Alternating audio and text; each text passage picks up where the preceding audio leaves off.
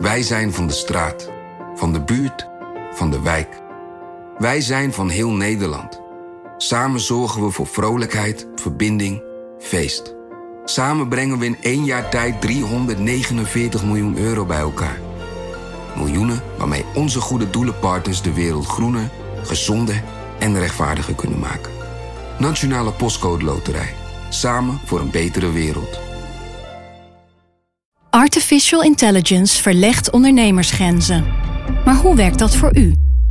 Als transformatiepartner helpt Capgemini u kansen te ontdekken en benutten, zodat we uw ideeën tot leven brengen. Vorm uw eigen mogelijkheden met generative AI. Ontdek meer op capgemini.nl/slash AI. Capgemini. Get the future you want.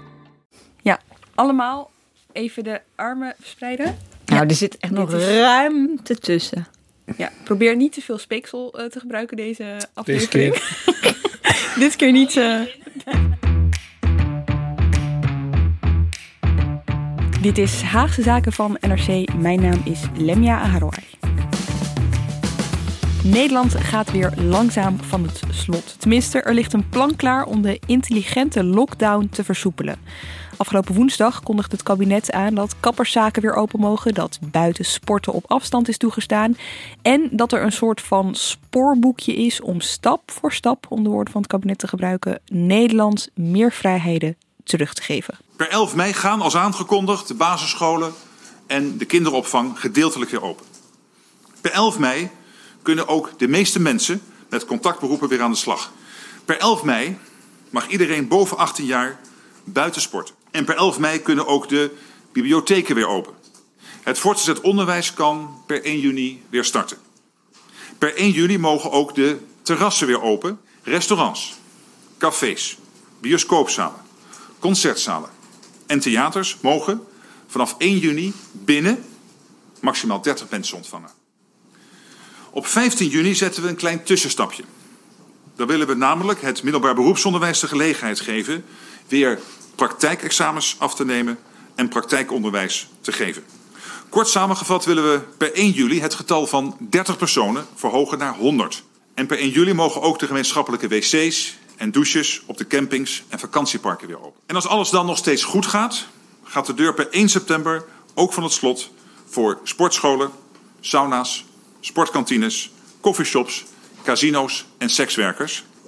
En voor de contactsporten en de binnensport. Het is dus duidelijk dat het kabinet perspectief wil bieden, maar tegelijkertijd is de vraag: kan de samenleving wel zo lang wachten? Want het is drukker in de winkelstraten en in de parken. De eerste protesten om de lockdown op te heffen, die zijn geweest. En het lijkt ook alsof meer mensen moeite hebben om zich aan de huidige maatregelen te houden. In deze Haagse Zaken gaan we het hebben over die versoepelingen van de maatregelen tot nu toe. Je hoort hoe dat steeds meer politieke keuzes worden, maar dat eerder één op één het overnemen van de adviezen van het Outbreak Management Team was.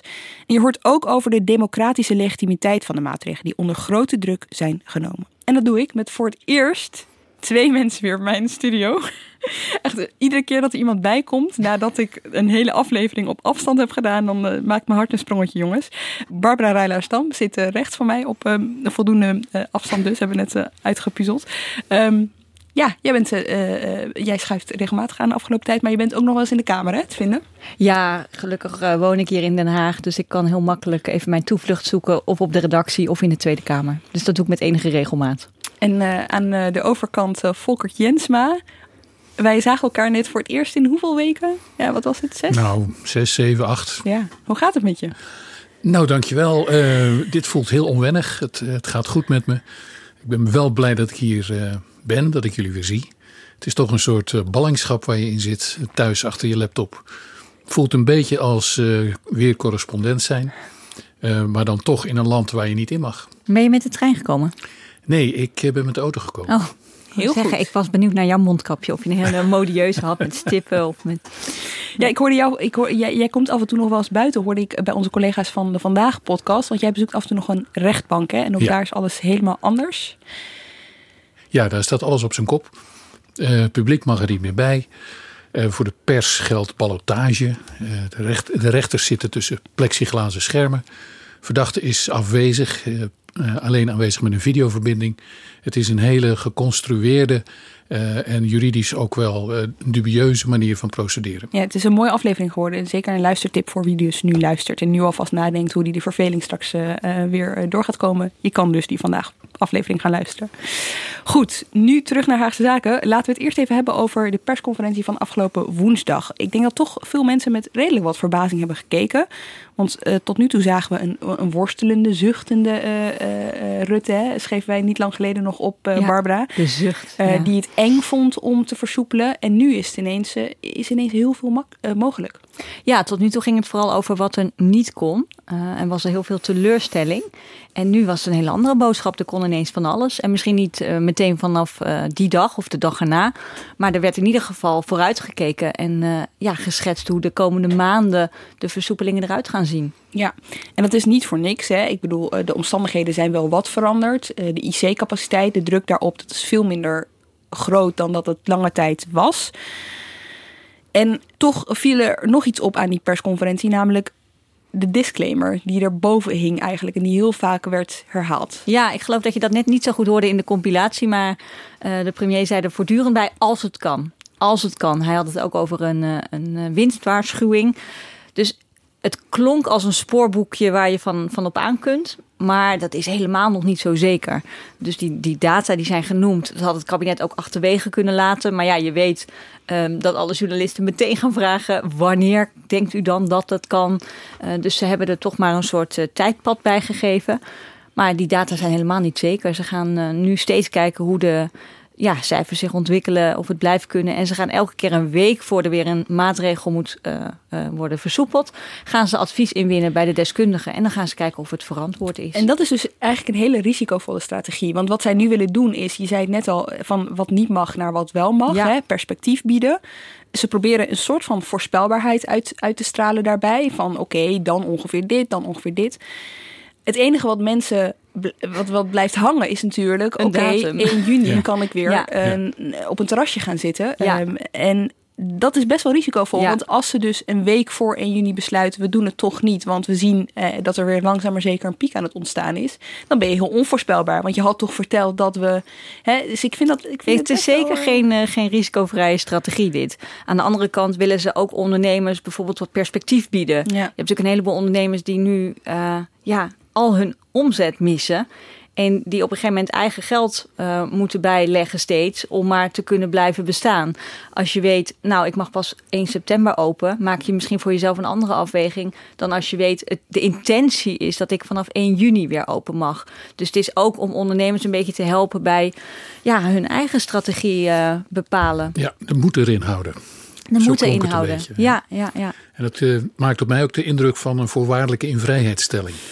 We mogen naar buiten, maar we hebben een enkelband. Ja. Uh, en het RIVM vertelt ons straks uh, wat de gegevens zijn. En als het misgaat, dan gaan we weer allemaal naar binnen. Ja, maar vergis je niet, hè, we zouden half mei, eind mei op die piek zitten van de IC-capaciteit.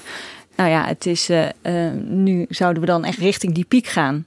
Daar zitten we bij lange na niet. Dus er is echt wel iets veranderd. Ook sinds twee weken geleden, de laatste persconferentie, toen er veel teleurstelling was dat eigenlijk alleen de scholen open mochten en kinderen onder de 12 jaar weer buiten mochten sporten. Uh, ja, toen was het medisch gezien met die cijfers nog echt een heel ander verhaal. Ja. Uh, als je vanaf 1 juni de terrassen gaat openen, ben je weer een paar weken verder. En je ziet nu dat die IC's alleen maar leger en leger lopen. Althans, met uh, COVID-19-patiënten. Ja. Ze lopen natuurlijk wel weer voller, maar dat zijn de reguliere uh, operaties die, die weer gebruik kunnen maken, gelukkig, van de intensive care. Het is een soort trial and error, want die incuba incubatietijd van, van corona duurt zo'n twee weken. Dus op het moment ja. dat je versoepelt, zie je pas over twee weken wat, eh, wat het effect ervan is. Ja. De afgelopen twee weken zijn mensen, nou ja, je zei het al, ja. lakser geworden. Je ziet weer meer mensen op straat. Mensen heffen eigenlijk een beetje voor zichzelf die lockdown al op, zonder dat het kabinet daar ook maar uh, aanleiding toe heeft gegeven. Ja, je gaat nu pas in de cijfers daar iets van zien. Dus stel nou dat uh, de afgelopen twee weken funest zijn geweest uh, voor het aantal besmettingen.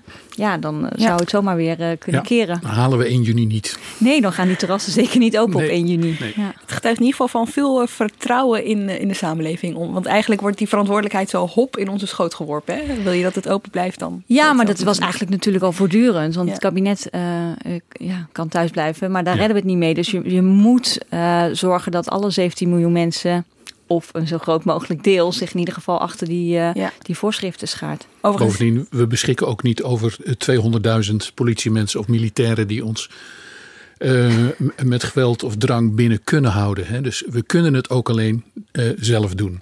gelukkig maar. Zou ik Gelukkig daar aan willen ja. toevoegen. Ja. Hier op het plein zie je overigens al dat die terrassen eh, langzaam maar zeker al op die anderhalf meter Oh ja, al, samenleving worden ingericht. Dus eens even gaan kijken. Best grappig om te zien. Van de week sprak ik eh, VVD-fractievoorzitter Klaas Dijkhoff. En die vergeleek wat er woensdag is aangekondigd een beetje met een wandeling maken eh, met elkaar. Hij zei, je kunt zeggen meelopen. Nou ja, dan moet je maar hopen dat iemand dat doet. Je kunt ook zeggen hoe lang het gaat duren en waar je onderweg een tussenstop kunt maken om een biertje te drinken of een ijsje te eten. En mensen een beetje perspectief te bieden. Ja. Ja. En dat kan nu ook. Hè. Ik bedoel, die, die crisissituatie ben je voorbij. Dus nu kun je ook iets meer de teugels laten vieren. Ja, dat gaat automatisch. Naast de positieve toon eh, tijdens die persconferentie was er nog één heel opvallend punt waar we eerst maar even naar gaan luisteren. Vandaar dat we per 1 juni als regel hanteren dat iedereen in het OV een mondkapje draagt. Niet als alternatief voor afstand houden, maar omdat voldoende afstand houden op een bepaald moment simpelweg niet meer goed mogelijk is. Eerder dan 1 juni mag natuurlijk, maar vanaf 1 juni is het mondkapje verplicht. En ik benadruk dat iedereen daar zelf voor moet zorgen.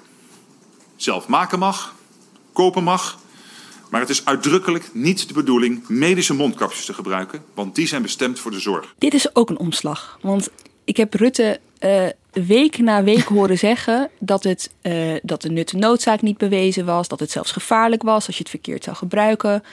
En nu is het ineens een verplichting in het OV. Ik vond dat best ingewikkeld. Ja, dat is het ook. Eh, aan de andere kant zeggen de politici van het is niet echt een ommezwaai. Kijk, een paar weken geleden eh, wilden we kosten wat kost die situaties vermijden waarin je te dicht bij elkaar komt en dus een mondkapje zou willen dragen. Nu is dat anders, want er komt gewoon weer meer op gang. Dus we gaan weer meer mensen zien in de treinen straks en op straat. Ehm, en dan krijg je gewoon onvermijdelijk situaties waarin je niet die anderhalve meter afstand kunt houden. Nou ja, dan zeggen ze, je ziet al dat mensen sowieso dichter bij elkaar gaan staan dan die anderhalve meter die wordt voorgeschreven. Ehm, ja, dat is onveilig. Dus dan kan je maar beter een mondkapje opdoen. Je moet blijven hameren op die anderhalve meter. En handen wassen, dat is echt allemaal belangrijker dan een mondkapje dragen. Maar er kunnen maar net van die kleine momentjes zijn... eh, ja, waarop het een soort optelsom is. Hè? Dat je in de supermarkt in de knoop raakt met een paar karretjes... en daar onmogelijk uitkomt... zonder dat je heel even dichter bij iemand komt dan anderhalve meter. Of in de trein, je kunt netjes anderhalve meter bij elkaar vandaan gaan zitten... maar er komt een moment dat je met z'n allen moet in- of uitstappen. Eh, en dan kan het ook nog zo zijn dat jij zelf al wel besmet bent, maar dat niet weet. Dus je kunt een gevaar zijn voor anderen zonder dat je dat zelf weet. Nou ja, dan kan je dus anderen beschermen door een mondkapje te dragen. Ja. En als zoveel mogelijk mensen dat doen, ja, dan beschermen ze elkaar. Maar bij de kapper hoeft het bijvoorbeeld niet. Nee, en daar waren eh, tijdens het debat ook veel vragen over. Eh, Geert Wilders die was daar het, eh, het hardst in. Die zei, ja, kappers zijn toch geen proefkonijnen? Ehm, en mensen uit ijdelheid kunnen ze natuurlijk zeggen... eh, nee hoor, ik voel me prima. Eh, en ondertussen stiekem zitten te kuchen. Dus het is eigenlijk ja, gek dat je dat onderscheid maakt tussen OV eh, en, en, en een kapsalon. En heb je daar een, heb je daar een, een- heb je daar een verklaring van gehoord waarvan je dacht: oké, ja, oké, dan, dan ga ik er wel mee? Hoe, hoe, hoe legt het kabinet dat uit? Ja, ik ga er niet in mee, maar de uitleg is dat kappers kunnen vragen aan klanten: heb je ergens last van? En als de klant dan nee zegt, dan, eh, dan is het goed. Ja, twee momenten. Hè? Dus op het moment dat je de afspraak maakt en als je binnenkomt, Ja. dan zou die vraag nog een keer gesteld Ja, worden. Maar ja, nogmaals. en dat geldt dus ook bij, bij restaurants. Maar daarvan werd tijdens het debat al gevraagd: ja, moeten die restaurants dan ook worden verplicht om hun reserveringslijsten te bewaren? Eh, want dan kan je in ieder geval nog zien. Eh, wat heeft iemand gezegd? En ook als, als een, een van de klanten toch besmet blijkt, heb je dan nog eh, de reserveringslijst, zodat je ook de andere klanten kunt, eh, kunt waarschuwen. Dat is voor dat bron- en contactonderzoek waar het steeds over gaat heel belangrijk. Goed idee. Maar, maar Volkert, hè? de overheid die je verplicht je gezicht te bedekken. Het eerste wat ik heb gedaan is echt op zoek gaan naar die wet gedeeltelijk uh, verbod op de gezichtsbedekkende kleding. Ja, ja ik draag een hoofddoek. Als ik nu Ja. ook een mondkapje ga dragen, dan Ja. kun je, dat is 1 plus 1 2. en ik zie dat je een bril draagt ook. Dus dat Oh, wordt een beetje veel allemaal. Nou, die bril die draag jij ook, hè? Ja, ik maak me ook zorgen.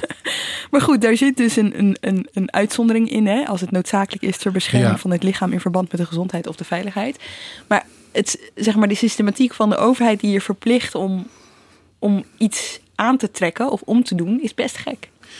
Ja, en ik, ik dacht toen, toen ik het hoorde, dacht ik ook, goh, wat, hoe zou men dit gaan regelen? Ehm, en ik vermoed dat omdat het in het openbaar vervoer is, dit privaatrechtelijk geregeld wordt. Dus dat dit in je vervoersovereenkomst komt. Dus dit zal niet een, eh, een regeling van het kabinet worden. Eh, maar dit wordt gewoon onderdeel van de afspraak die je met de spoorwegen maakt. Eh, wij vervoeren jou, maar jij hebt een mondkapje voor. Dus de NS beboet je op het moment dat je Of niet draagt. je. Ja, precies, ja. Zo zal het gaan, denk ik. Oh, ja. Net zo goed als je niet eh, na negen uur met een fiets de trein in mag. Mag je nu ook niet eh, zonder mondkapje de trein in. was wel veel verwarring over deze maatregel toch. Tijdens die technische briefing van donderdagochtend, hè, altijd voor het debat, dan geeft Jaap van Dissel van het RIVM, Ja. die, die geeft een presentatie, beantwoordt ik vragen vanuit de Tweede Kamerleden. En hij werd er meerdere keren om gevraagd van hoe, hoe zit dit nou met, met dat mondkapje? Want jullie adviseren eigenlijk helemaal niet dat het nodig is of dat het no- nuttig is überhaupt. En op, het, eh, op, op de vraag van Femke Merel van Koten Arissen, van tegenwoordig groep Krol van Koten We Arissen moeten goed nadenken. Ja, Ehm, je zegt het goed. zei hij dat het uiteindelijk niet aan hem was om die beslissing te maken, maar aan de politiek. Tuurlijk. Wat u leest in de brief, dat is het eh, advies. En daar is de eh, conclusie uitgetrokken zoals getrokken, maar eh, dat is het advies. En daar kunt u het mee eens zijn, maar dat is niet eh, aan het OMT. Hè. De, wij wij eh, hebben er met de experts eh, overleg over en dat, dat vindt u terug in het advies. En eh, ja, dat wordt eh, geïnterpreteerd door het beleid. Tuurlijk. Tuurlijk. Ja, het klinkt heel zuinig ook wat Van Dissel zegt. Hè. Eh, het, is, het is goed te horen dat ze het nog steeds eh, een, een weinig doelmatige, misschien wel overbodige eh, handeling vinden. Maar eh, het kabinet heeft eh, besloten dat er kennelijk draagvlak voor is. Dat er misschien ook wel behoefte is. Eh, en ook als het alleen maar een placebo is, iets wat, wat de mensen een veilig gevoel geeft. Ja, dan geeft men daar toch aan toe. Nou ja, als zelfs Geert Wilders, de grootste tegenstander van alle gezichtsbedekkende kleding, hè, je noemde net die wet, als die eh, zegt we moeten allemaal een mondkapje op, ja, dan, dan weet je dat er wel draagvlak voor is. Maar het toont dus ook iets anders, namelijk dat het nu weer gaat om politieke keuzes. Ja. Zeker, ja. Dus Nou ja je ziet ook bij, de, bij het besluit destijds om de, om de scholen eh, dicht te doen. Dat was niet omdat eh Jaap van Dissel vond dat dat nodig was. Dus heel soms wijkt de politiek gewoon af in de keuzes van wat de wetenschap eh, adviseert. Omdat dat gewoon maatschappelijk nou eenmaal ja, Ja. Beter uit te leggen is. Of het, het, het alternatief is niet uit te leggen, moet ik eigenlijk Ja, zeggen. en er is ook, er is ook een, een effect van de ons omringende landen. Hè. Het Ja. mondkapje rukt gewoon op. Ja, Mensen die de trein nemen van Brussel naar Amsterdam... moeten van Brussel tot de Nederlandse grens een mondkapje hebben. ja.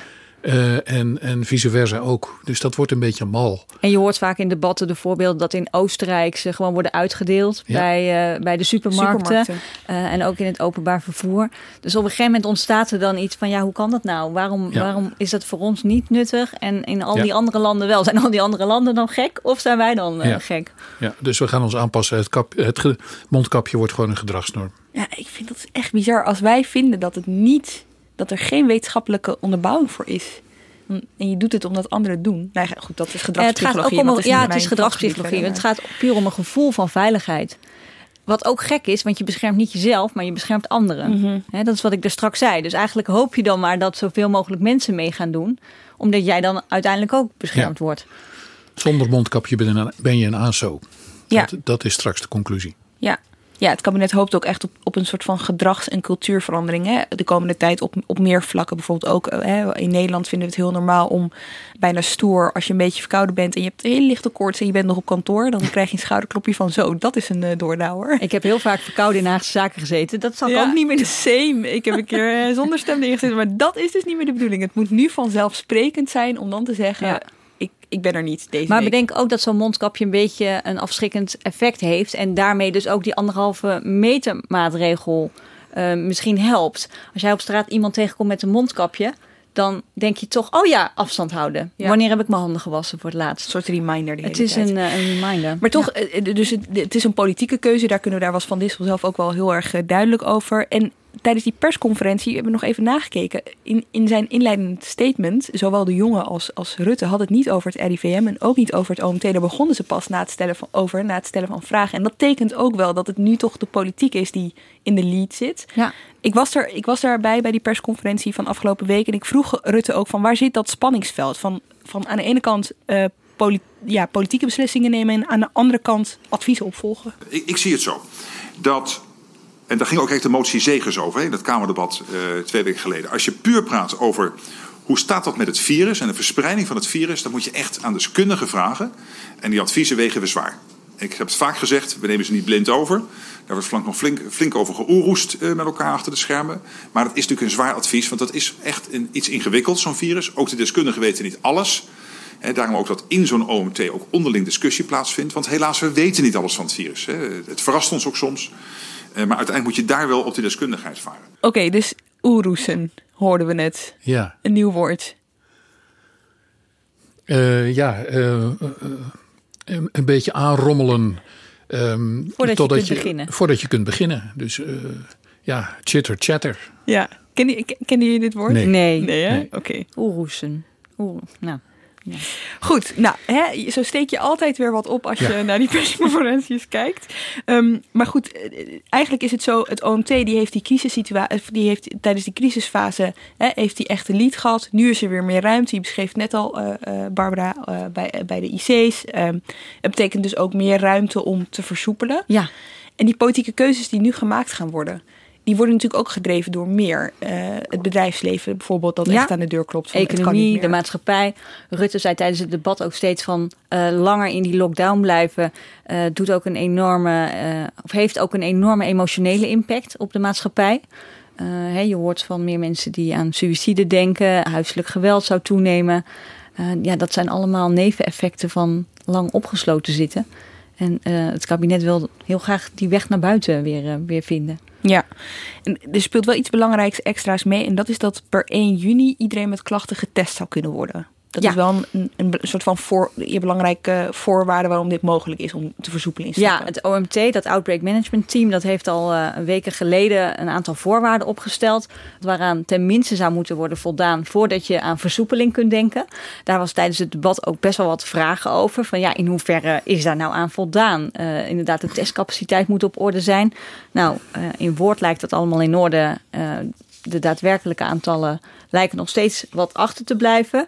Dan heb je het bron- en contactonderzoek. Nou, daar was die, die app zo voor nodig. Nou, nu horen we eigenlijk heel weinig meer over, eh, over een app. Overigens begrijp ik dat die app ehm, eind mei eh, voor het eerst getest zal worden. Dus er, het is niet helemaal gestopt, maar het is in ieder geval inderdaad wel echt meer naar de achtergrond gegaan dan eh, hoe het eerst gepresenteerd werd als we moeten die app hebben om te kunnen versoepelen. Ja, het is niet meer randvoorwaardelijk, zei, eh, zei Rutte in het debat. Maar dat bron- en contactonderzoek moet gewoon gaan gebeuren. Dus die GGD'en die zijn flink eh, aan het uitbreiden. Je kunt je afvragen of dat genoeg is. Dat is ook al eh, eh, weken onderwerp van discussie. Maar straks vanaf juni eh, zouden mensen die klachten hebben moeten worden getest. En dan zou je dus uitgebreid bron- en contactonderzoek moeten hebben om heel snel weer zo'n zo'n nieuw ja, brandhaartje te ontdekken en, eh, en uit te trappen, zoals Ja. Rutte zei. Ja. En om, even, om, om even dat OMT-advies eh, om dat af te ronden, of in ieder geval de rol van het OMT. Wat ik wel tekenend vind, is dat zeg maar voor die versoepeling van die eh, komende maandag, dus 11 mei, ingaat. Daar is het OMT nog wel bij betrokken. Ja. Maar bij de rest van die routekaart, om dat lelijke woord maar te gebruiken, dat we deze week erg vaak hebben gehoord, eh, is, is dat niet gebeurd. Dus de beslissing om op 1 juni eventueel dus de restaurants te openen, dat is echt een politieke keuze geweest. Ja, maar die routekaart is natuurlijk wel besproken met de deskundigen. Er ligt nog geen wetenschappelijk advies. Dat is wat we er straks zeiden. Dus ze zullen elke keer een week voordat een nieuwe maatregel wordt versoepeld gaan kijken of het op dat moment verantwoord is. Maar ze hebben natuurlijk wel gekeken naar de huidige eh, stand van zaken. En ze hopen en verwachten dat het allemaal kan zoals het nu is aangekondigd. Dus dat is niet helemaal eh, ja, uit de lucht gegrepen. Maar inderdaad, die eh, maatregelen die aankomende maandag ingaan. Dus naast het heropenen van de scholen, uh, ja, de kapsalons weer open en de nagelstudio's. Daarvan hebben de wetenschappers gezegd dat heeft nauwelijks invloed op, ja. op de verspreiding van het virus. Dus ja, zonder al te gekke gebeurtenissen kunnen ze op 1 juni gewoon de volgende stap zetten. Ja, en dat het politieke werd, zag je dat deze week ook in het debat terug? Ja, veel meer dan eerst. Uh, twee weken geleden was het laatste debat. Toen zag je het alweer wat meer. Toen ging het heel erg over de economie en de staatssteun aan verschillende bedrijven en welke voorwaarden je daar dan aan mag verbinden. Uh, dus dat waren met name de linkse partijen die vonden van, nou ja, het is natuurlijk uh, gek als je een bedrijf helpt in nood en dat bedrijf gaat vervolgens hoge bonussen aan de top uitkeren of dividend uitkeren of eigen aandelen uh, opkopen. Toen ging het heel erg daarover. Dus je zag toen alweer wat meer de ideologie ja. terugkeren in het debat.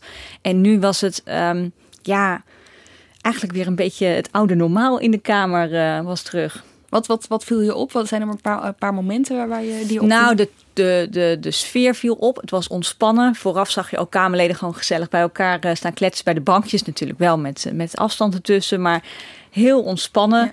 Ja. Uh, er is natuurlijk de afgelopen dagen veel onrust geweest bij de fracties van 50 plus en Denk. Nou, daar werden ook kleine stootjes uitgedeeld waar, waar heel erg om werd gelachen in, uh, in het debat. Sowieso is er best wel wat gelachen. Uh, Rutte werd als een soort vraagbaak bevraagd met allerlei hele praktische vragen van. Uh, uh, bijvoorbeeld uh, VVD-partijgenoot Klaas Dijkhoff die wilde weten of de terrastafeltjes, of daar nou anderhalve meter tussen de tafels moet zitten, of ook tussen de mensen die aan tafel zitten. En Rutte antwoordde dat ja, ook tussen de mensen anderhalve meter moet zitten. Waarop Klaas Dijkhoff, vader van twee jonge kinderen, vroeg van, moet je dan echt, weet je wel, die kinderen op anderhalve meter zetten? En Rutte zei, ja, ja, ja. Nou ja, dat leidde tot een soort hilariteit in de zaal. En Dijkhoff zei ook, nou iedereen met kinderen weet, dit, dit wordt geen succes. Neem en later mee. kwam Rutte ja. er ook weer op terug. Hij zei, oh, weet je wel, uh, ik heb me vergist. Blijkt toch niet zo te zijn, okay. kinderen onder de 12 mogen. Dus het was een soort mengelmoes uh, van weer het debat van het begin van de coronacrisis. Over de strategie. Gaan we nou indammen, controleren? Dan wordt het bijna een semantische discussie. Um, omdat Rutte zei, ja, niemand wil helemaal terug naar nul. Dus echt elimineren voordat je stappen gaat zetten. Ja, dat is ondenkbaar in onze open economie. Uh, dus daar ging het heel lang over details. En het ging over praktische zaken. Ja, Asscher, die, over die strategie ging vooral Asscher ging er wel even op door, hè? Nu dat ligt, vraag ik, derde keer. Is strategie inderdaad indammen, maximale controle? Waarom zou je dan per 1 juni, terwijl het OMT daar niet toe heeft geadviseerd... Tot nu toe voeren we op de experts. Dat was het zicht. De horeca openen. Of is er eigenlijk een andere strategie aan de orde die inderdaad meer lijkt op de tv-toespraak. Het virus waart rond. We zullen ermee moeten leven en binnen die capaciteit gaan we door. Ja, die, die kritiek werd wel meer gedragen aan de linkerkant van de Kamer. Hè? De SP, uh, GroenLinks, die deelden die, die, die kritiek over. Wat, wat voor strategie hebben we nou eigenlijk? Klopt, en het was best opvallend natuurlijk, omdat die toon woensdag uh, zo positief was. En het ging ineens over alles wat kan. En, en ja, heel Nederland haalde natuurlijk opgelucht adem. En dacht, ik kan weer een afspraak maken bij de kapper. En ik kan weer dit. En weet je wel, iedereen was een beetje blij. En dan in zo'n debat krijg je uh, ja, dan toch bijna onverwacht veel, veel kritische vragen. Van gaat dit niet te snel? Ja. En waar is dit op gebaseerd? En weet u zeker dat het kan? Uh, dus dat was een beetje gekke gekke omslag. Wel logisch hoor, dat die vragen worden gesteld. Uh, en ik had ook het gevoel dat het voor het eerst sinds de politieke crisis was dat Rutte echt verantwoording moest afleggen voor beleidskeuzes. Kijk, ja. Van waarom wel uh, dit, waarom niet dat. En eerder ging het over uh, hele prangende zaken waar iedereen het, hetzelfde belang had. IC-capaciteit. IC-capaciteit. Waarom zijn er niet meer bedden? Waarom zijn er niet meer ja. mondkapjes? En dan kan je op hele hoge toon vragen. En de minister zegt, ja, ik wou ook dat het geregeld was, uh, liefst gisteren al. Ja. ja, er wordt met man en macht aan gewerkt, is heel nu vaak is het gezegd. meer reflecterend En eigenlijk. nu is het reflecterend ja. en veel kritischer, bevragend op uh, keuzes die zijn gemaakt. En het, het zijn ook echt keuzes. Ik bedoel, waarom kies je voor 1 juni en waarom kies je voor bepaalde sectoren pas 1 september? Als je weet dat ondernemers ja. in die sector dan misschien om gaan vallen. Uh, dus dat was heel, uh, heel interessant om te zien in het debat. En kwam er nou een antwoord op, uh, op die vraag van Ascher? Um... Ja, uh, Rutte verweet ze dus dat het een wat semantische discussie is. Maar uiteindelijk is de strategie maximaal controleren. Ja. Dus niet elimineren. Niet wachten tot we op, uh, op nul patiënten op de IC zitten voordat we iets gaan doen. Maar Rutte maakte daar een beetje een grote tegenstelling van. Hè? Terug naar nul of het worst case scenario van een paar weken geleden. Terwijl er is natuurlijk een tussenweg. Maar goed, de strategie nu is maximaal controleren. En als er dan ergens zo'n brandhaartje is met testen en bron- en contactonderzoek, het gauw opsporen en, uh, en het vuurtje weer uittrappen. Ja. Rutte ging ook ineens uitleggen dat 11 mei geen versoepeling is. Hè? Dat was ook nog wel een interessant uh, moment in het debat. We hebben geen versoepeling op dit moment. 11 mei vind ik geen versoepeling. Pakket van 11 mei, daarvan zeggen diezelfde deskundigen... dat heeft een zodanig beperkt effect op de verspreiding van het virus... dat risico kun je nemen. Dat heeft een heel beperkt effect. Het pakket van 1 juni wordt voorgelegd aan dezelfde deskundigen... met de vraag, adviseer ons. Uh, wat voor effect gaat dit hebben? Ja, dit was een moment dat ik weer even uh, wakker schrok. Ik dacht, zegt hij nou? Maar ja, je kunt zijn redenering op zich wel volgen als je denkt in risico's. We hebben natuurlijk Rutte de afgelopen tijd uh, gezien als een soort risicomeider. Twee weken geleden zei hij nog: Broer, nee, terrasjes moet ik echt niet aan denken. Want dan moet iedereen door die steegjes naar dat plein. En dan is het risico heel groot dat mensen op elkaar botsen. En wat we nu doen, vind ik al zo eng dat kinderen weer buiten mogen sporten. Uh, dus onze premier denkt in risico's. Nou ja, en vanuit uh, die redenering zou je kunnen zeggen: ja, deskundigen hebben hem verzekerd dat wat hij maandag doet weinig risico's oplevert. Dus hij ziet dat niet als een versoepeling nee. waarmee hij nieuwe uh, risico's neemt. En dat is natuurlijk anders met uh, de maatregelen die voor 1 juni zijn aangekondigd. Er gebeurde nog iets interessants, want Bruls, hè, dat is de, de voorzitter van de veiligheidsregio's, hè, ja, de, de burgemeesters inderdaad, die, die spreken met het kabinet. Die sprak zich deze week redelijk fel uit in de Gelderlander. En die zei, ja, ik vind eigenlijk dat, uh, dat de maatregelen versoepeld moeten worden. Maar die deed ook een beetje aan uh, territorium. Die had wat territoriumdrang van, eigenlijk die steegjes, daar gaan wij over, weet je wel. Ja. En deze week in de persconferentie was dat ook echt het verhaal van, van Rutte. Zo van, oké, okay, die drukke steegjes waar ik het de vorige keer over had. Ja, daar moet de gemeente dan maar op gaan handhaven, weet je. Dus daar zag je ook wel iets, iets, iets schuiven. Hij heeft de risico's goed gedelegeerd inmiddels. Precies, precies, zo zou je het kunnen zeggen. hey, maar Volkertje kan ook zeggen, het, het parlement doet weer mee. Ja, de vragen worden groter, de, de keuzes worden relevanter. We zijn een beetje af, wat Barbara ook al uitlegde, we zijn af van met z'n allen door dezelfde loop kijken naar infectiegevaar. Uh, en we beginnen ons nu af te vragen um, uh, hoe groot de schade aan de economie mag worden. Hoe je de mensen weer wat, wat, wat ademruimte en levensruimte geeft. En daar zitten dus politieke keuzes in. En die worden nu ik zou maar zeggen, eindelijk benoemd en besproken. En dat is heel goed ook voor het draagvlak, voor het, he, he, dat, dat collectieve gevoel waar we voortdurend op worden aangesproken. Je wil ook het gevoel hebben dat je er wat over te zeggen hebt. En dat je bezwaren die je eventueel hebt, dat die ook uitgesproken worden en besproken worden. En dat gebeurt nu gelukkig. Je gebruikt het woord eindelijk en gelukkig. Ja. Uh, je, je miste het de afgelopen tijd? Nou, die lockdown was ook een lockdown op de, op de inspraak, op de democratie. Uh, we zijn begonnen met uh, de premier die zei dat er, of de minister van Justitie en de premier die samen zeiden dat, er, dat we ons voortaan aan de model noodverordening zouden moeten houden. En dat dat het wetboek was voor de komende weken en maanden. Um, en dat, dat liep wel, een, ik bedoel, dat kun je een paar weken doen. Als we allemaal in hetzelfde gevoel hebben van beklemming en nood en infectie. Maar als je merkt dat A, die situatie langer gaat duren. B, dat er verandering komt in de, in, ja, in de risico's. Ja, dan wil je uh, als burger uh, dat er een duidelijker fundament is waarop deze beperkingen rusten. En die beperkingen die gaan heel erg ver.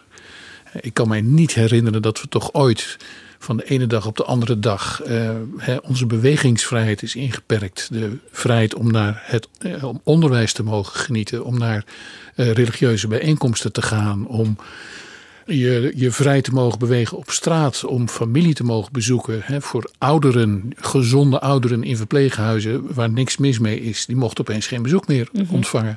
Dat is een hoeveelheid beperkingen die zonder enig precedent is. Um, Sinds de Tweede Wereldoorlog wordt steeds ja, gezegd, hè? Ja, ja nou ja. Uh, dus we zitten in een, in een hele merkwaardige, uh, ik zou maar zeggen, luchtledige, democratisch luchtledige, staatsrechtelijk luchtledige situatie. En dat doen we allemaal op basis van een noodverordening van de burgemeester. En het enige kanaal om daar dus iets van te zeggen als burger tot nu toe was de gemeenteraad. Mm -hmm. He, dus als ik uh, een demonstratie zou willen houden of als ik eh, een bekeuring krijg of niet, het niet eens ben met het optreden van de BOA's, waar moet ik dan zijn? In de gemeenteraad. En dat is een heel beperkt en smal uh, forum. En bovendien een forum dat, uh, tenzij je in de grootste gemeente van je regio woont en de uh, die burgemeester is namelijk de aanvoerder van de veiligheidsregio. Ja. Hè, die Bruls is dat. Maar woon je in een van de gemeentes rondom Nijmegen. Ja, jouw gemeenteraad kan er ook niks aan doen. Dus die, de, de, de grote burgemeesters hebben een onaantastbare, vrijwel onaantastbare machtspositie in deze periode. En dat kan natuurlijk niet doorgaan. En, en, werkt dat ook zo in de praktijk? Ik bedoel, je, je, je directe inspraak als burger vervalt dus eigenlijk omdat, je, omdat jouw gemeenteraad zelf eigenlijk, als je in een kleine gemeente dus woont, weinig kan. Ja. Maar de burgemeester van jouw gemeente heeft toch wel inspraak in. Dus het is misschien wat indirecter. Ja, er is een getrapte vorm van, ja. van, van inspraak, of van controle moet je zeggen. Uh, maar dan moet die, uh, die, die burgemeester die al die maatregelen neemt, die moet dan ook wel bereid zijn om zich uh, controleerbaar op te stellen. Ja. en, Wat bedoel je daarmee? Nou, ik zou je een voorbeeld geven. Uh, hier in deze regio, daar is uh, natuurlijk de burgemeester van Den Haag de aanvoerder van de, van de noodverordening. En die verbood op enig moment een demonstratie van taxichauffeurs. Um, en het voorstel van die taxichauffeurs was: wij willen graag in een optocht van auto's naar het Malieveld. En dan willen we een, ritje maken door de, uh, door de stad. En daarvan zei de burgemeester: nee, dat is een gevaar voor de volksgezondheid. voor de openbare orde. En dat doen we dus niet. Maar die taxichauffeurs zouden in hun eigen auto ja, blijven zitten. Ja. ja. Nou, daar kun je best kritiek op hebben. He, daar kan je best van zeggen van ja, luister eens, het recht op demonstreren is uh, heel erg belangrijk. Uh, overheden horen dat te faciliteren. Dat is niet een, een, een toestemmingsvereiste. Uh, en ook in deze omstandigheden moet dat kunnen. Daar valt over te praten met elkaar. En wat zei Remkes van Den Haag. Uh, dat kan wel wezen, maar uh, ik uh, ben pas beschikbaar voor verantwoording als de crisis is afgelopen. Ja, dan zegt de machthebber dus, laten we nog eens een maandje of twee, drie wachten en dan praten we er nog eens over. Dat zei Rutte overigens ook deze week in het debat. Hij werd gevraagd door Geert Wilders om excuses te maken. het was best grappig. Geert Wilders was natuurlijk vanaf het begin voor een strenge lockdown en die was nu boos om alles, echt werkelijk alles, hebben Rutte en minister De Jonge fout gedaan. Behalve die versoepeling, dat noemde Wilders goed nieuws. Maar hij had zo graag excuses van de premier willen horen tijdens de persconferentie. Voor alle doden die zijn gevallen in de verpleeghuizen. Voorzitter, u zag niks van dit alles gisteren in de persconferentie. Geen zelfreflectie, geen medeleven, geen spijt, geen excuses, helemaal niets. En Rutte zei, uh, ja, dat vind ik, Dat nu, vind ik nu gratuit. gratuit. Ik wil graag de evaluatie afwachten. En als dan blijkt dat, uh, uh, hè, dat ik uh, verwijtbaar gedrag heb, uh, heb uh, vertoond, dan, uh, dan zal ik excuses maken. Maar dat ga ik nu niet alleen doen om van de heer Wilders af te zijn. Dat vind ik niet het goede argument. Nou ja, Dus die wacht ook op de dus evaluatie dat, ja, dat is dus wat je in zo'n noodsituatie ziet. Het gezag stelt zich afstandelijk op. Maar even de basis waarop die burgemeesters nu handelen. Dat is dus die noodverordening. Ja. Daarvoor is grip 4 nodig. Ja, Wat, wat, wat houdt dat in? ja dat is een soort lokale uh, een, een noodtoestand. Waarbij de burgemeester uh, een aantal bevoegdheden mag uitoefenen.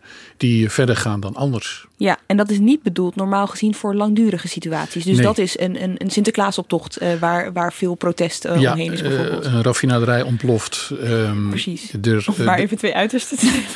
Maar even twee uitersten. Eh, en daartussen in eh, misschien beter vergelijkbaar een lokale uitbraak van een besmettelijke ziekte zoals Q-koorts. oh ja, oh, dat is eh, misschien wel een goede vergelijking. Ook Ja. daar heb je dus dan regionaal, mag dan de burgemeester eh, wegen afsluiten. ehm, eh, en andere maatregelen nemen, waardoor dus de bewegingsvrijheid van mensen wordt ingeperkt. Maar zo lang? Want het gaat Maar zo lang, ja, nou dat is dus het kwetsbare punt. Eh, op een gegeven moment, dan voelt iedereen wel aan, dit gaat zo niet langer. Eh, we moeten hier het kabinet op kunnen aanspreken. Daar is een minister voor, namelijk die van Justitie. Dat is degene die in eh, de wet is aangewezen als, eh, eh, eh, ik zou maar zeggen, de drager van een eventuele uitzonderingstoestand. Eh, en die hoort dan een eh, wetsvoorstel in te dienen, snel, waarin hij eh, duidelijk maakt welke bevoegdheden no- nodig zijn en welke vrijheden moeten worden ingeperkt. En welke dat precies zijn, eh, eh, hoe lang dat zal gebeuren en ook ja, op welke manier je daar bezwaar tegen kan maken. Dat hoort er namelijk ook bij. Ook in een noodtoestand, ook bij de inzet van bijzondere bevoegdheden, moet de gang naar de rechter open zijn. En zo'n wet ontbreekt. Eh, en men heeft nu, zo onder de hand, een week of anderhalf geleden heeft men gezegd van ja, nee, we moeten inderdaad zo'n wet maken. Uh, dat gaat nu ook gebeuren. Ik heb begrepen dat uh, um, Justitie en Binnenlandse Zaken dat voorbereiden. En er zou nu binnen acht weken zou het parlement uh, een landelijke noodwet gaan aannemen. Dus acht weken hier bovenop. Dan, ja. dan, dan, dan, dan hebben burgemeesters eigenlijk bijna een kwart jaar. Ja, het voor het zeggen gehad. Ja, ja vier maanden. Ja, ja. zelfs. Ja.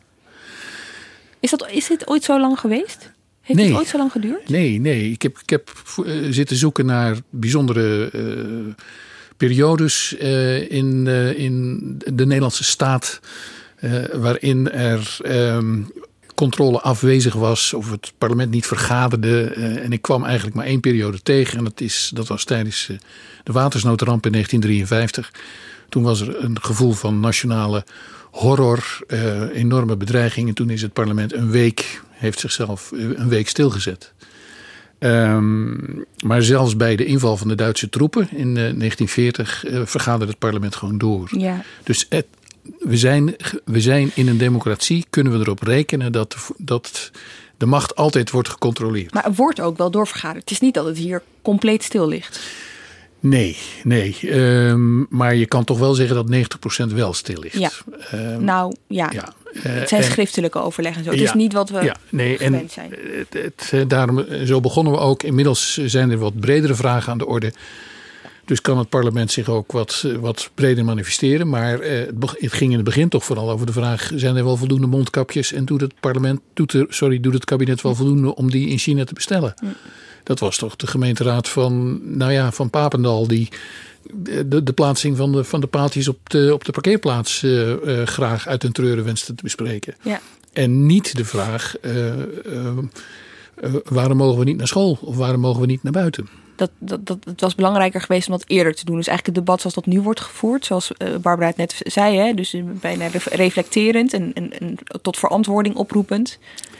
Nou, ik weet niet of het eerder had gekund. Uh, want dit is natuurlijk een periode waarin iedereen. Uh, ja, we zitten in een crisis. Niemand weet uh, hoe, welke kant het op gaat. Dus dat je dan mee met de ontwikkelingen debatteert, dat begrijp ik wel. Maar je moet natuurlijk snel, hè, als je zo'n noodverordening hebt liggen. dan moet je na twee of drie weken zeggen wat de volgende stap is.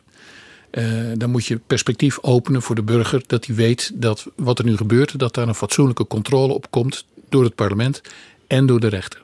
Ze hebben er in de Kamer best wel mee geworsteld. Hè, van welk signaal geef je nou af? In het begin waren de debatten vrij lang en zaten er veel bewindspersonen in vak K. En, en duurde het tien uur en waren ze elkaar voortdurend uh, vliegen aan het afvangen.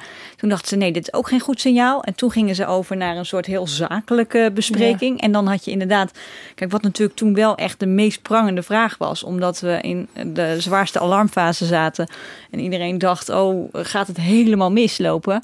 Dus dat, dat er werd gevraagd om die IC-bedden en die mondkapjes was niet zo gek. Dat nee. er op dat moment hè, geen ruimte was om uh, over de, de democratische rechtsstaat te praten. Um, maar ja, het heeft, daar zijn ze vrij lang in blijven hangen, is mijn gevoel, in die vrij ja. zakelijke benadering. Volkert heeft zoiets blijvende schade.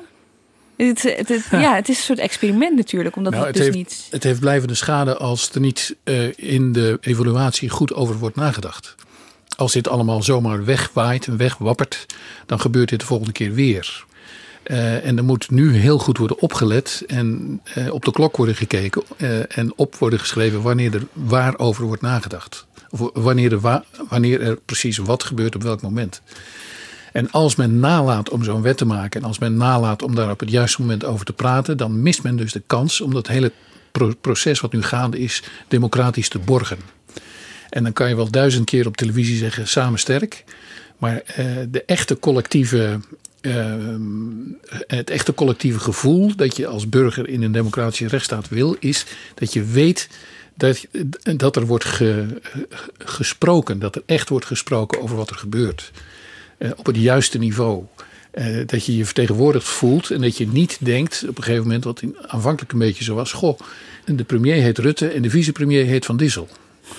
Uh, dat, het, dat we op de een of andere manier in een soort uh, hygiënisch staat zijn beland waar de experts het voor het zeggen hebben. Ja, maar dat is nu dus langzaam weer aan het weg. Ik zie dat gelukkig nu ja. weer komen. Ik ben heel blij met in ieder geval de aankondiging dat, nou ja, dat ze op justitie en binnenlandse zaken aan de slag ja. gaan. Uh, en dat ze zich zorgen maken of dat ze zich engageren met, het, uh, ja, met, met de democratische borging van dit hele proces. Want even terug naar die burgemeesters onder zo'n noodverordening en in zo'n periode waarin er ook wel wat gehandhaafd moet worden. Ja. Hè, we, we hebben het over groepsvorming, uh, om maar iets te noemen. zij gaan er dus ook over of zij politiecapaciteit in gaan zetten om dus bij een feestje langs te gaan om te zeggen dit kan niet. Ja, ja dat is de, de lijnen zijn heel kort geworden. Dus die burgemeesters in die veiligheidsregio's eh, hebben um, een grote invloed nu op dit moment, uh, op dit soort inzet. Omdat iedereen weet dat het heel erg belangrijk is wat er nu gebeurt. Tegelijkertijd uh, zie je op dit moment ook al wat rafeltjes komen. ik heb gisteren dus voor het eerst gehoord dat er een organisatie, namelijk die van de sportscholen, heeft gezegd: we gaan dit aanvechten. En dus daarmee kwam er voor het eerst een breuk uh, in, in het ijs. Hè. Tot nu toe was men solidair in Nederland. Hè. De polder ja. deed mee. Ja. En nu zegt er toch een organisatie: nee, dit nemen we niet.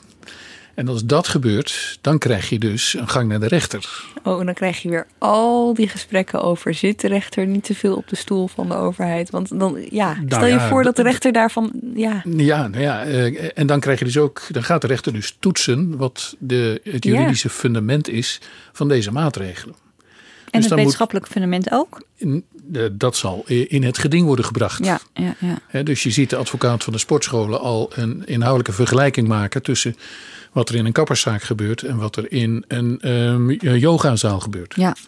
Eh, en of dat nou werkelijk zo'n verschil is dat deze ver, verrijkende maatregel genomen moet worden. Eh, je- Je ziet dat BOA's bekeuringen uitdelen eh, onder omstandigheden die eh, ja, dubieus zijn. Eh, ik, ik weet van één gemeente, daar stonden vijf studenten op hun balkon. Ja, daar belde de politie aan en, zei, en die zei van ja, dat is een samenkomst in de publieke ruimte. Nee, zei die studenten, dat is ons balkon. Nee, zei je, hè, dus en die dat- boete is uiteindelijk teruggedraaid, hè? die is teruggedraaid, Ja. maar dit type bekeuringen, Ja. daarvan zijn er meer gegeven, gaat allemaal naar de rechter. Dan krijg je dus een toetsing. En dan gaan, gaan we dus kijken of die noodverordening deugt of niet deugt. In de evaluatie ga je dan krijgen, hebben we niet te lang op die noodverordening gezeten? Wanneer is de wet gekomen? Eh, is daar in de Kamer goed over gesproken? Wat heeft de minister hier bedoeld? Eh, hoe is de Kamer dat gaan interpreteren? Wat staat er in de memorie van toelichting? En dan krijg je een volwassen proces. Ja. En dat gaan we dus met de sportschoolhouders eh, straks, denk ik, als eerste zien. Ja, dan zit ik natuurlijk klaar. Wat Ja, ik zeggen. Maar tot nu toe was er heel veel burgerlijke gehoorzaamheid, hè? Ach, het was, het was, ik was tot tranen toe geroerd. Nou, mij viel echt op, op Koningsdag. Ik zat eh, zelf in Groningen, dus daar merk je dan niet zo heel veel Nee. van, eh, van de coronacrisis of van Koningsdag.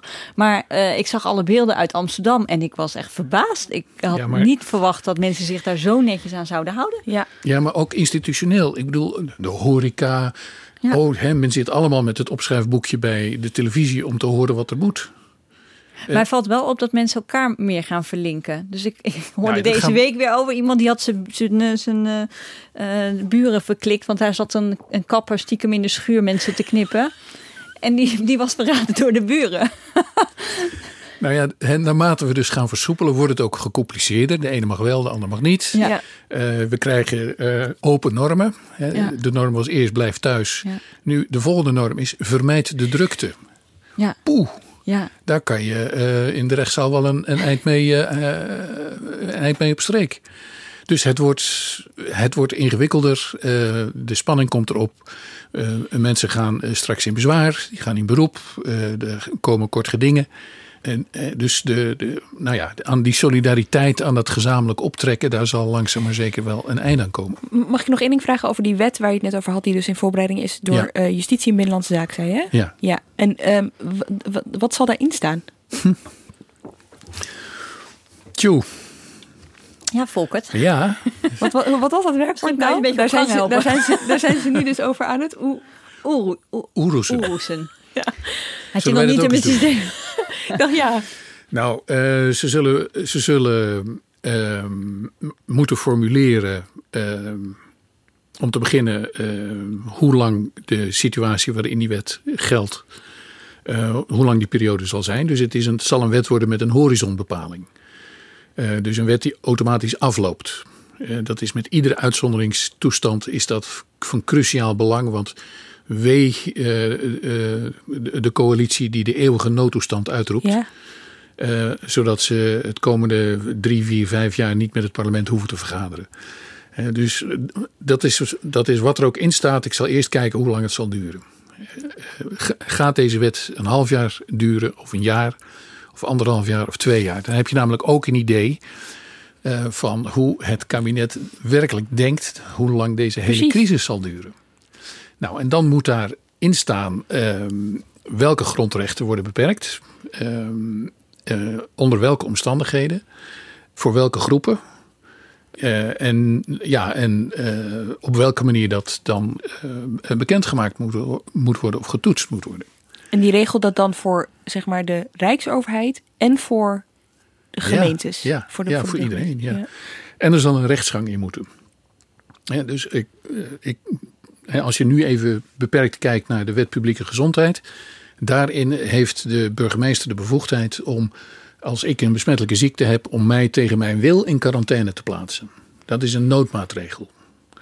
Maar als ik daar bezwaar tegen heb, dan kan ik nu op basis van die wet naar de rechter en zeggen van ja, dat is, ik ben helemaal niet ziek of is een vergissing of mijn belangen om niet in quarantaine te, te zijn zijn groter dan de belangen van de gemeenschap om mij in quarantaine te houden. Dus eh, er is, moet een toetsing in. Nou, dat zal straks eh, in, de, in deze wet ook het geval moeten zijn. Ja. En dat wordt- soort dingen stel ik mij voor. Het woord ongekend valt echt heel vaak deze periode. Maar dit is natuurlijk. Kijk, eh, ons werk. Kijk, het is een rotperiode. Hè? Laten Ja. we daar even heel duidelijk zijn. Maar ons werk, Barbara, politiek journalistiek, is Ja. natuurlijk interessanter dan ooit. Maar dat lijkt me voor jouw vakgebied in de journalistiek eigenlijk net zo interessant. Alles is nieuw. Alles is nieuw, alles is anders. Je hoorde me ook aarzelen toen je me vroeg wat gaat er in die wet Ja. staan. Ik heb, dacht, die lepelt dat even op. Maar De waarheid is, ehm, ik weet het niet. Ja. Eh, ik, ik ken dus wel een paar, eh, ik zou maar zeggen, doelwetten die eh, noodbevoegdheden bevatten. In tijden van oorlog dan mag de, mag de regering de dijken doorsteken, mag vliegtuigen vorderen, mag militairen bij je inkwartieren. Mag mensen in quarantaine zetten en zo. Die, dat weet ik allemaal wel. Eh, maar een algemene noodwet. Ik, eh, ik, moet, ik, daar moet ik echt over nadenken wat Ja. erin staat. Maar zou je zeggen van, kijk, dat, dat dat nu ook de reden is dat het zo lang op zich laat wachten? Dat ook degene die je moeten schrijven natuurlijk nog niet precies weet wat erin moet staan. Of echt aan het, aan het uitzoeken zijn wat er eigenlijk in moet worden opgenomen. En dat je nooit zo'n algemene noodwet kunt maken voordat de nood er is. Ja, Of zou dat wel kunnen? Zou je in algemene zin wel altijd iets klaar moeten kunnen hebben staan? ik denk dat een van de redenen waarom ze het niet meteen gedaan hebben, hem zit in het feit dat dit een ingewikkelde kwestie is om dit goed te doen. Eh, dat dat weken duurt ehm, en dat het signaal dat ervan uitgaat, kabinet eh, roept met noodwet noodtoestand uit, eh, maatschappelijk of politiek eigenlijk ongewenst werd gevonden. Als de regering de noodtoestand uitroept, dan zou dat best voor paniek kunnen zorgen. Dat heeft Zuid-Europese connotaties. Eh, dat klinkt naar tanks in de straten. Eh, en Het had er wel voor kunnen zorgen dat mensen nog meer thuis nou ja, het, het hoort bij die aanpak. Ja. Ehm, het hoort maar het bij, past niet bij vrije bij bij dwang vrije en drang. En. Rutte heeft gekozen voor de, voor de 17 miljoen mensen uit dat liedje. En eh, hè, we doen het allemaal samen, samen, en die schrijven ja. niet de wetten voor. eh, Die laat je in hun waarde. die laat je in hun waarde. Nou ja, dit is gaan zingen, Lem, ja. iedere keer als ik Rutte eh. Als ik het Rutte over 17 miljoen mensen eh, eh, hoor spreken, dan hoor ik dat liedje. 15 miljoen mensen.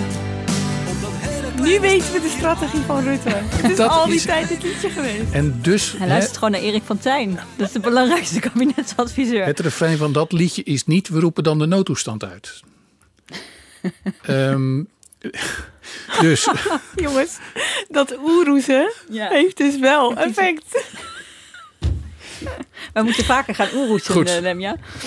Maar nu hebben ze dus in de gaten. eh, Ze hebben dus om te beginnen al lang gezegd. Dat, dat zei Grapperhaus van nee, die noodverordening. Daarin eh, beperken we echt geen grondrechten. Dat is allemaal binnen de, binnen, de, eh, binnen de lijntjes van het wetboek.